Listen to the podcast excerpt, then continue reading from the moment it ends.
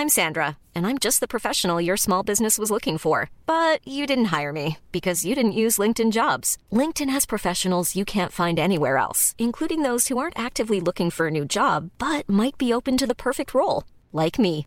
In a given month, over 70% of LinkedIn users don't visit other leading job sites. So if you're not looking on LinkedIn, you'll miss out on great candidates like Sandra. Start hiring professionals like a professional. Post your free job on linkedin.com/people today.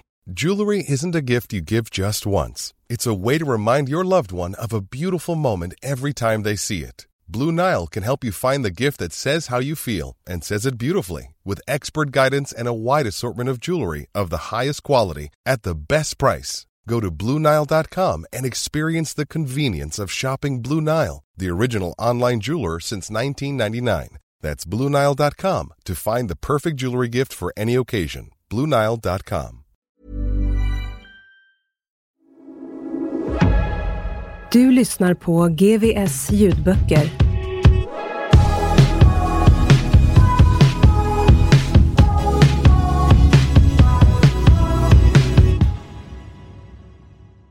Gäststjärnan. En del i Nemesis-serien av Kai Linna. Inläst av mig, Erik Bolin. Kapitel 12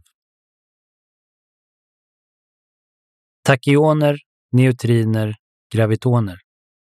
Alla dessa fördömda partiklar som inte går att se. Det var detta som till slut drev mig till vansinne. Och nu kan jag se dem. Okänd. Databasen Current Contents.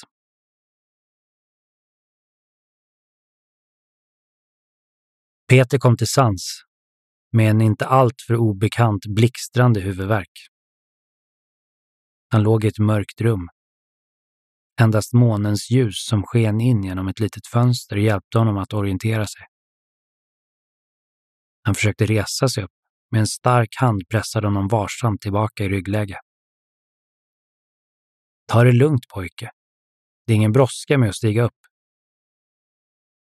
Eidas röst kom från en skuggfigur som satt bredvid honom i det mörka rummet. Peter sjönk tillbaka samtidigt som minnesbilderna kom ikapp. Han vände sig mot Eida och viskade med svag röst. Har ni ringt efter en ambulans? Om Eida hade hört vad han sa, så svarade han i alla fall inte. En fuktig trasa fördes över Peters panna tills han förstod att den hölls av Akka, som satt på den andra sidan av den brits han låg på. Varför gör ni så här?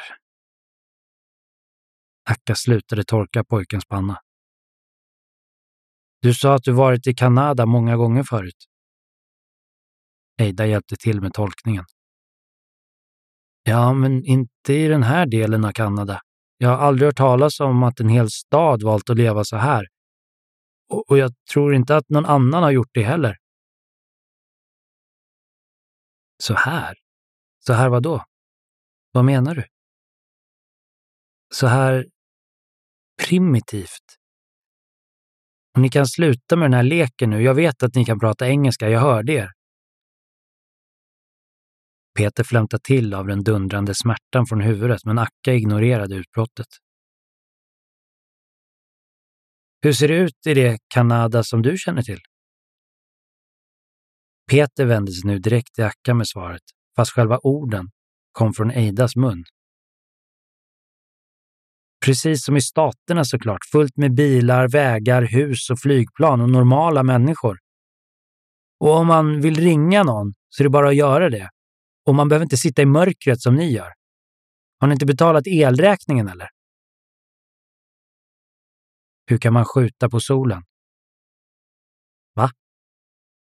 Frågan överrumplade Peter. Skjuta på solen? Du sa att det var enkelt. Hur? Men alltså, enkelt och enkelt. Peter kände sig helt förvirrad av den vändning samtalet tagit, men anade instinktivt att det skulle vara lättare, inte minst för den blixtrande huvudvärkens skull, att först försöka förstå och besvara Akkas konstiga undran för att sen få sina egna frågor besvarade. Han funderade en stund på vad det var som Akka egentligen ville veta. Skjuta på solen, vad menar hon? Det är väl bara att skicka iväg en vanlig raket mot solen, antar jag, svarade han sen. Även om inte bränslet räcker till hela vägen så lär ju gravitationen stå för resten. Alltså om man har gjort exakta beräkningar förstås. Det där fixar datorerna. Då ville Akka veta vad raket var. Men for crying out loud. Peter himlar med ögonen, med smärtan i huvudet tvingar honom att foga sig och spela med. Han såg sig efter något att rita på, men till och med golvet var av sten och inte sand som man kunde skrapa i, så han nöjde sig med att förklara att en raket var som en pil ungefär. Som man kunde skjuta iväg vart man ville i stort sett. Fast större. Mycket större. Och där du kommer ifrån, det är ju sig. Finns det en sån raket där? Mm. Ja, de har nog fler än en skulle jag tro. Peter låg tyst i mörkret och kände sig hopplöst trött och uppgiven. Han var helt säker på vad han hade hört precis innan han svimmade. Men samtidigt kände han att Akkas och Eidas uppriktighet var så orimligt ärlig. Trots alla tokiga frågor var det uppenbart att de ville honom väl. Han började fundera på om det var någon annans röst han hade hört där på trappan. Men det var ju bara de tre som befunnit sig där. De tre och en till. Pialo. Vad är Pialo? Hishtape Hockey. Oron i Pialos röst gick inte att missta sig på när han lösgjorde sig ur skuggorna. Varför säger han så där hela tiden? Vad betyder det? Eidas gröna ögon glimmade till i månskenet. Hishta Pahoki. Det är det Onondaga-namn de har gett dig. Det betyder ungefär vit man som glider på isen. Har han gett mig ett namn? Men jag har ju redan ett namn. Peter. Duger inte det? Det är inte vad du heter hos Onondaga. Jag hade också ett annat namn innan jag kom hit. Men nu heter jag bara Eida. Vad betyder det? Vit man med rött skägg? Peter fnissade till över sin egen lustighet. För säger du så?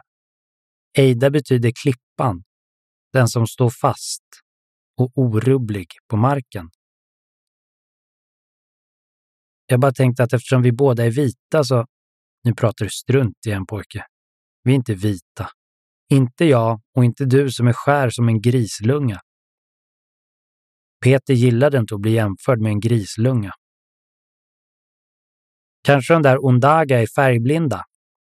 Onondaga, betonade Eida. De är allt annat än färgblinda.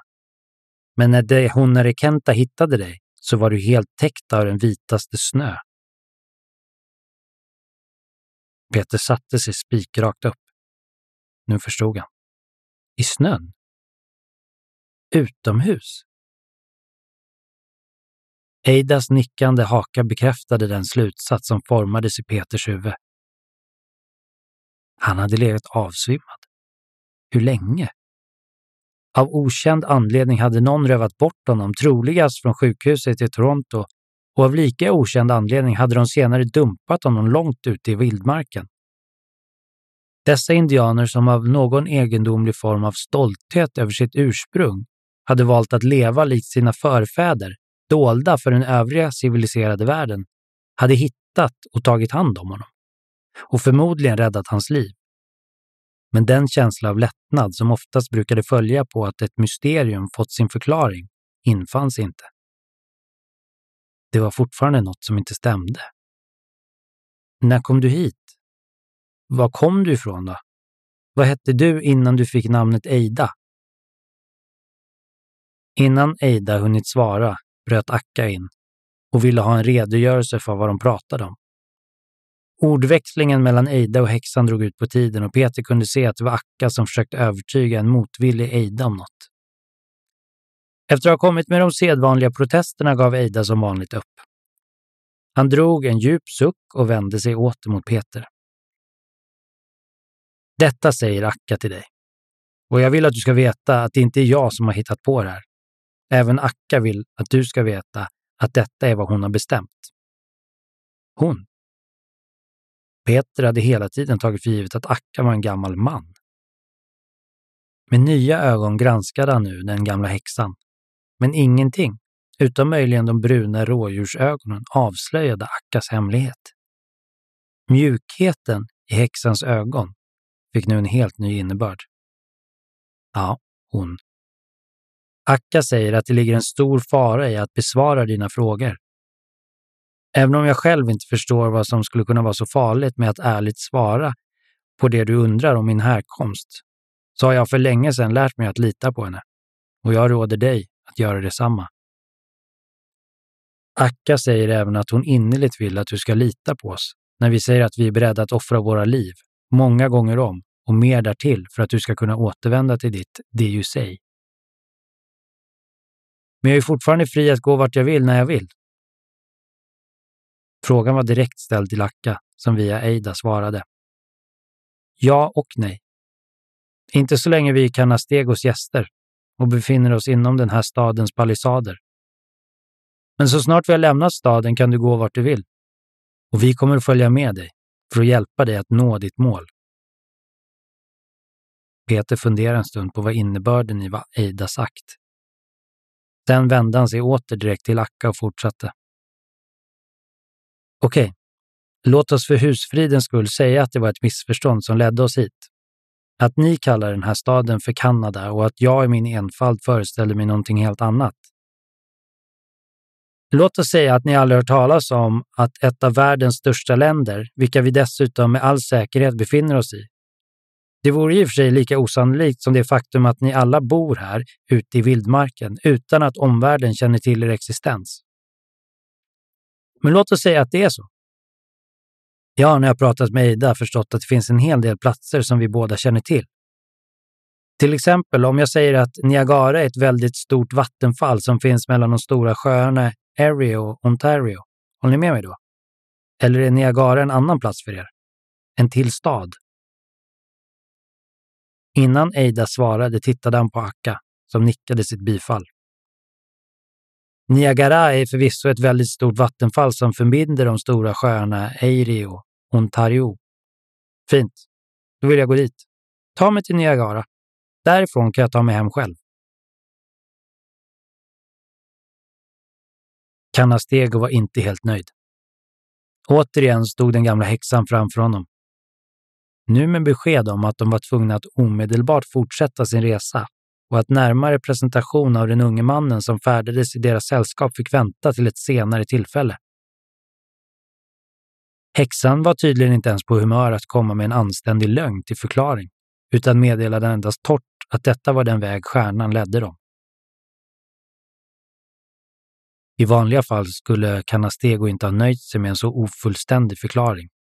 Men ikväll skulle ytterligare tre jungfrur offras för att blidka stjärnan, som vid det här laget tycktes vara en ondskefull himlakropp och Canastego visste att Akka skulle göra livet surt för honom om häxan fick en möjlighet att blanda sig i dessa beklagliga men nödvändiga offergåvor till Utkena.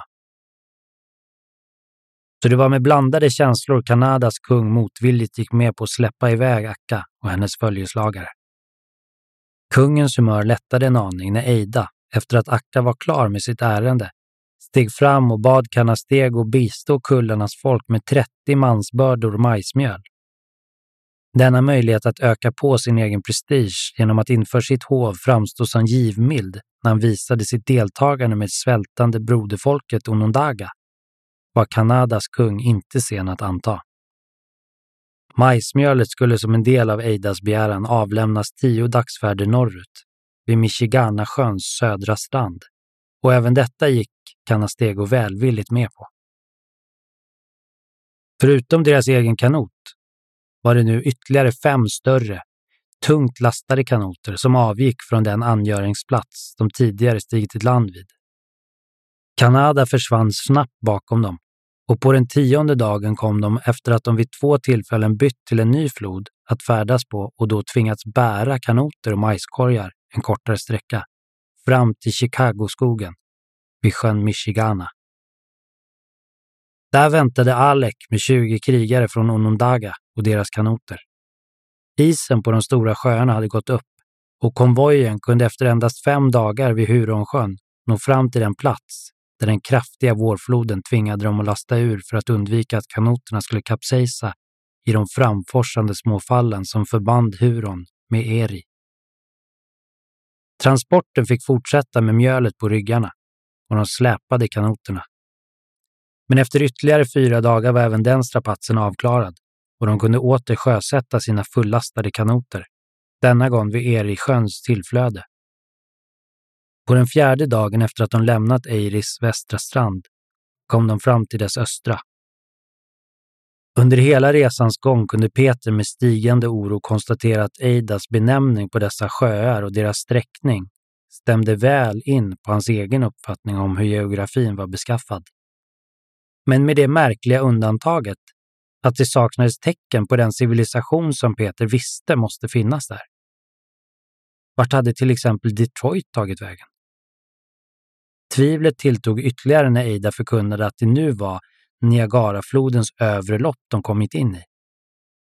Här lämnade hälften av krigarna den stora floden och tog med sig hälften av majsmjölet. De skulle nu färdas söderut för att bistå sina svältande bröder, Cayuga, träskfolket, som Onondaga alltid brukade samarbeta med när två skördar, exempelvis vårfisket och savskörden, sammanföll. Strax före själva fallet styrde de resterande kanoterna in mot land och den tröttsamma landtransporten påbörjades igen. När Peter böjde sig ner över en korg för att axla sin del av bördan la Akka tyst en hand på hans axel och bad honom följa med ner mot vattenfallet. Uppe på en klipphylla som överblickade hela det majestätiska fallet höll Akka ut sina armar i en svepande gest och sa till den klentrogne Peter Niagara. Och allting stämde. Fallets höjd och längd och de olika förgreningarna passade som en pusselbit in i den bild Peter hade fastetsad i sitt minne efter otaliga besök till denna plats. Men det som saknades var ändå allt det som för Peter gjorde Niagara till Niagara. Vart hade alla byggnader, hotellen, turisterna och turistbåtarna tagit vägen? Peters blick drogs mot en udde nedanför fallet. Jag måste... Som i trans började han ta sig ner för klippkanten. Och efter ett tag, utan att han själv registrerade det, tog fötterna sikte på den välbekanta klättring som endast hundratals repetitioner kunde inpränta i ryggraden. Nere vid udden såg han sig omkring. På den plats där hans mamma brukade breda ut picknickfilten växte nu ett högt träd som rimligtvis borde ha hundratals år på nacken. Borta vid klippkanten växte ett tjockt lager med mossa över vad som borde ha varit en kal klippa. Peter satte sig och blundade på den platta stenen. Den han suttit på så många gånger förut. Hans egen plats, som han kallade sin Niagara-fåtölj. När han öppnade ögonen igen så såg han allt på exakt det sätt som han alltid gjort. Exakt! Han behövde inte riva undan mossan från klippväggen. Han visste nu att de inskriptioner han själv ristat in i klippväggen, Iroquois Rocks, inte fanns där. Ännu. Han begravde ansiktet i sina handflator. Det kan inte vara sant. Skuggorna från Akka och Eida föll över hans fötter. Jag är ledsen pojke.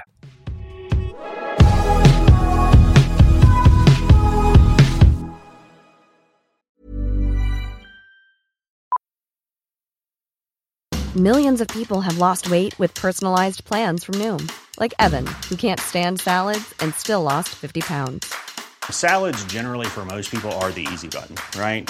For me, that wasn't an option. I never really was a salad guy. That's just not who I am. But Noom worked for me. Get your personalized plan today at Noom.com. Real Noom user compensated to provide their story. In four weeks, the typical Noom user can expect to lose one to two pounds per week. Individual results may vary. Millions of people have lost weight with personalized plans from Noom, like Evan, who can't stand salads and still lost 50 pounds. Salads, generally, for most people, are the easy button, right? For me, that wasn't an option. I never really was a salad guy. That's just not who I am. But Noom worked for me. Get your personalized plan today at Noom.com. Real Noom user compensated to provide their story. In four weeks, the typical Noom user can expect to lose one to two pounds per week. Individual results may vary.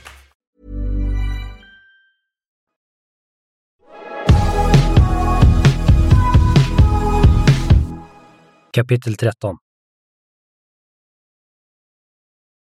När Sir Isaac Newton 1643 till 1727 gav ut sin bok Principa hävdades det att han i sitt arbete stått på giganters axlar.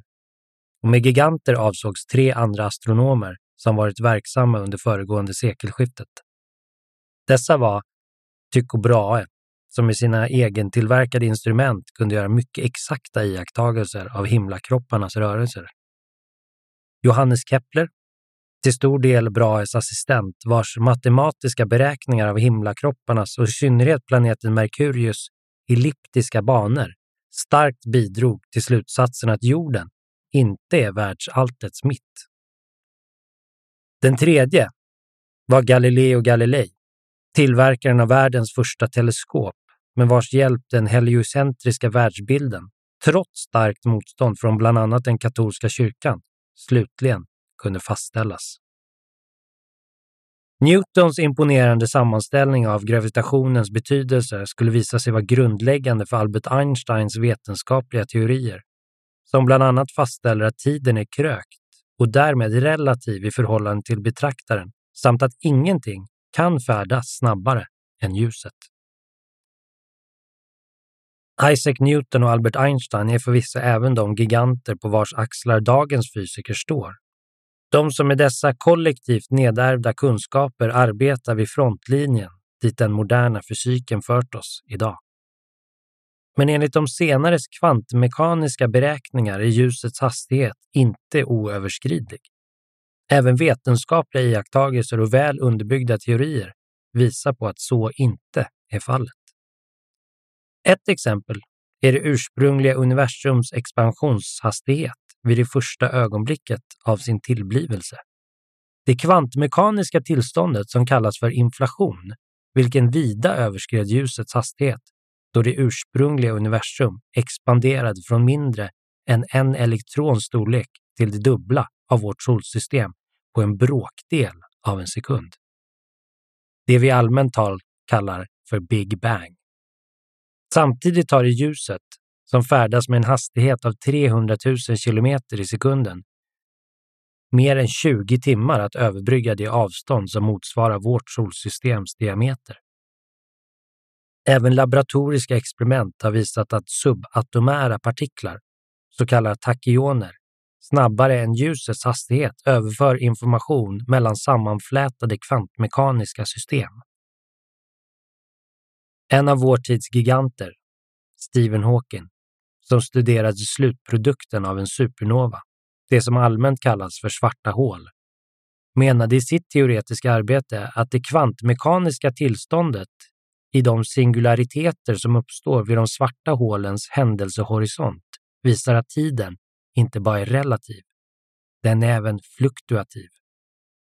Det vill säga, enligt Einsteins Newtonbaserade teori är tiden inte linjär och enligt Hawkings kvantfysiska teorier är den heller inte singulär. Dessa nya rön ändrar dock inte på de ursprungliga slutsatserna i Einsteins teorier. Att den fyrdimensionella rumstiden vi lever i är fast förankrad med ljusets hastighet. Vilket år är det? Frågan var ställd lika mycket till de båda, men det var Eida som svarade först. Det år som hos Onondaga är året efter det år som var innan. Men hos mitt folk, eller det som tidigare var mitt folk, skulle de säga att det är 1050 år efter Vite Krist. Jag är inte helt säker på att jag räknar rätt, för det var mycket länge sedan jag slutade räkna år på detta vis. Och när jag en gång gjorde det så var det inte så noga med den saken heller. Det tog lång tid för Eida att inför Acke reda ut begreppet med att numrera och benämna de år som följde på varandra efter en stor profets levnad. Men när häxan väl förstod ställde hon en fråga till Peter. För eh, Hirstapehoki är det 1050 år sedan den store profeten levde. Men vilket år är det för Peter? Ni kommer inte tro mig. Men för mig är det 1998 år sedan den store pro... Ja, han hette faktiskt Jesus, men man brukar säga efter Kristus. Alltså, vad är det som har hänt här? Har jag verkligen åkt tillbaka i tiden? Är det ni som gjort detta med mig? Akka, som under en längre tid varit förberedd på just denna fråga, tvekade ändå lite. Men sin vana trogen föredrog häxan att med all uppriktighet hellre gå rakt på sak.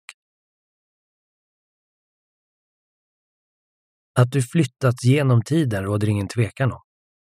Men det är inte vi som ligger bakom detta. En sån stor makt som krävs för att flytta någon genom tiden kan endast komma från solens folk. Det är du själv som har flyttat genom tiden. Och du har sagt att hos ditt folk, där du kommer ifrån, finns det pilar som kan skjuta på solen. Du har även sagt att du känner till Kanada och nu vill du tillbaka till Niagara.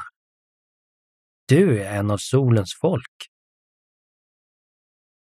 Akka pekade uppfordrande på Peter som, när han såg strängheten i häxans ögon, svarade med en defensiv och skuldmedveten ton, som om han var anklagad för att vara skyldig till något allvarligt övertramp. Jag, jag fattar inte vad som menas med solens folk. Dessa har jag aldrig hört talas om. Jag är ju bara en vanlig amerikan och jag har i alla fall alltid trott att jag är en vanlig amerikan innan allt det här hände. Han svepte med händerna över landskapet som en talande gest. Men jag har aldrig hört någon kalla oss amerikaner för solens folk, fortsatte han. Och jag har absolut ingen aning om hur jag har kunnat hamna här, nästan tusen år bakåt i tiden.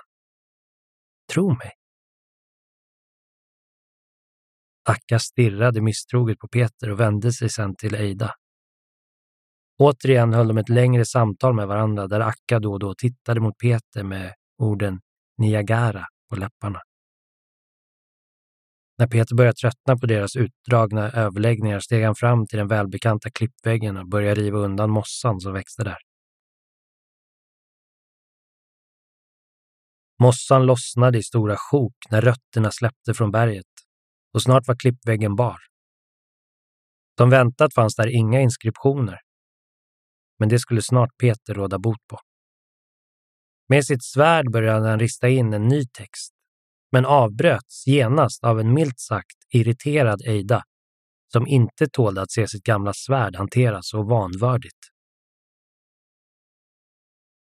Har du inte bättre bruk för svärdet än att skrapa sönder det, så tar jag vid oden tillbaka det. Sen får Akka tycka vad hon vill. Eidas ansikte var lika högrött som hans skägg och Peter slutade skamset med sitt ofog. Kom hit och sätt dig pojke, så ska du få höra hur den gamla häxan tycker att vi nu ska föra oss. Eidas röst var betydligt beskedligare, som om han ville mildra den skräck han nyss lyckats inpränta i den unge mannen. Det framstår nu för oss som om du är vilsen på din resa i tiden, helt på egen hand. Och därför kan inte vår uppgift vara annan än att bistå dig så gott vi kan. Men att fortsätta med att flänga omkring i kanot hit och dit tjänar föga till. Därför ska vi nu återvända till Nondagas hus, som bara ligger ytterligare en dags färd bort. Där får vi sen helt vackert invänta vad som komma skall. Vilken tid det än tar. Men Akka kommer följa med oss och hon skulle vara väldigt tacksam om du under tiden kunde tänka dig att hjälpa till med att så gott du nu kan besvara hennes frågor. Eida försökte muntra upp Peter och tillade Du kommer säkert att anse att hennes frågor är mycket undliga. Gudarna ska veta att jag oftast känns så, men jag har fullt förtroende för att Akka till slut kommer att finna de svar som vi alla söker.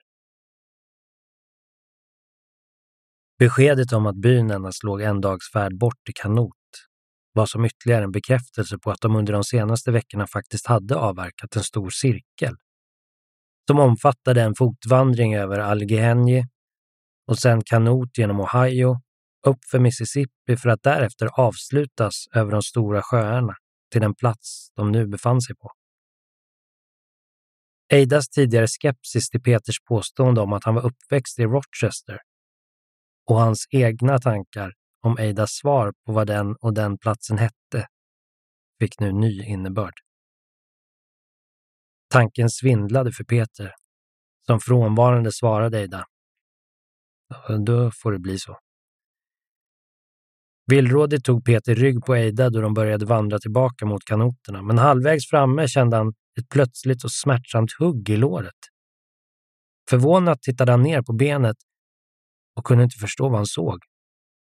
En annan fjäderbeklädd pil satt djupt inkörd i låret och innan han hunnit reagera på chocken och smärtan vräkte Eida sig över honom och tryckte ner honom mot marken.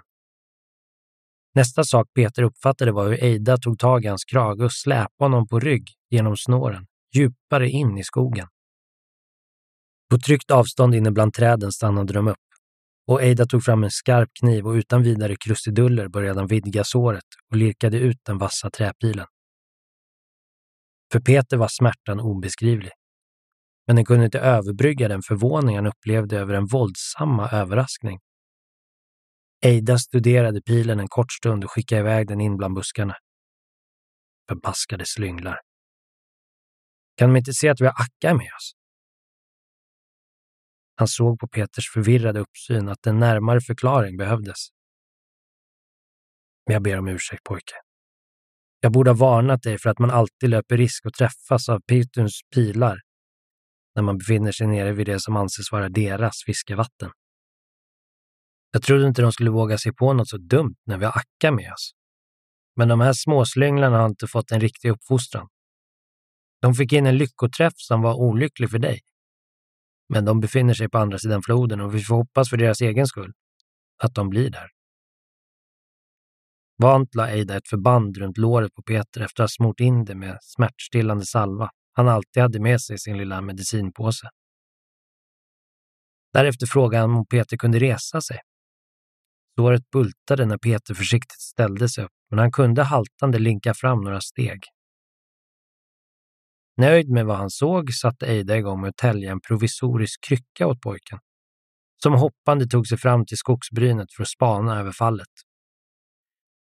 Och där kunde han se några indianer som, när de såg honom, genast spände sina bågar för att skicka iväg några pilar till. Bättre att inte utmana ödet en gång till.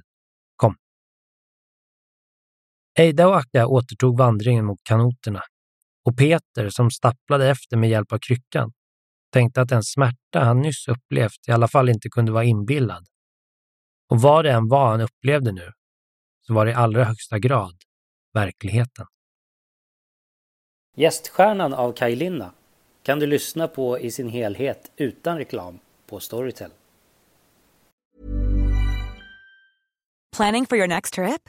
Elevate your travel style with Quince. Quince has all the jet-setting essentials you'll want for your next getaway, like European linen, premium luggage options, buttery soft Italian leather bags, and so much more. And is all priced at 50 to 80% less than similar brands.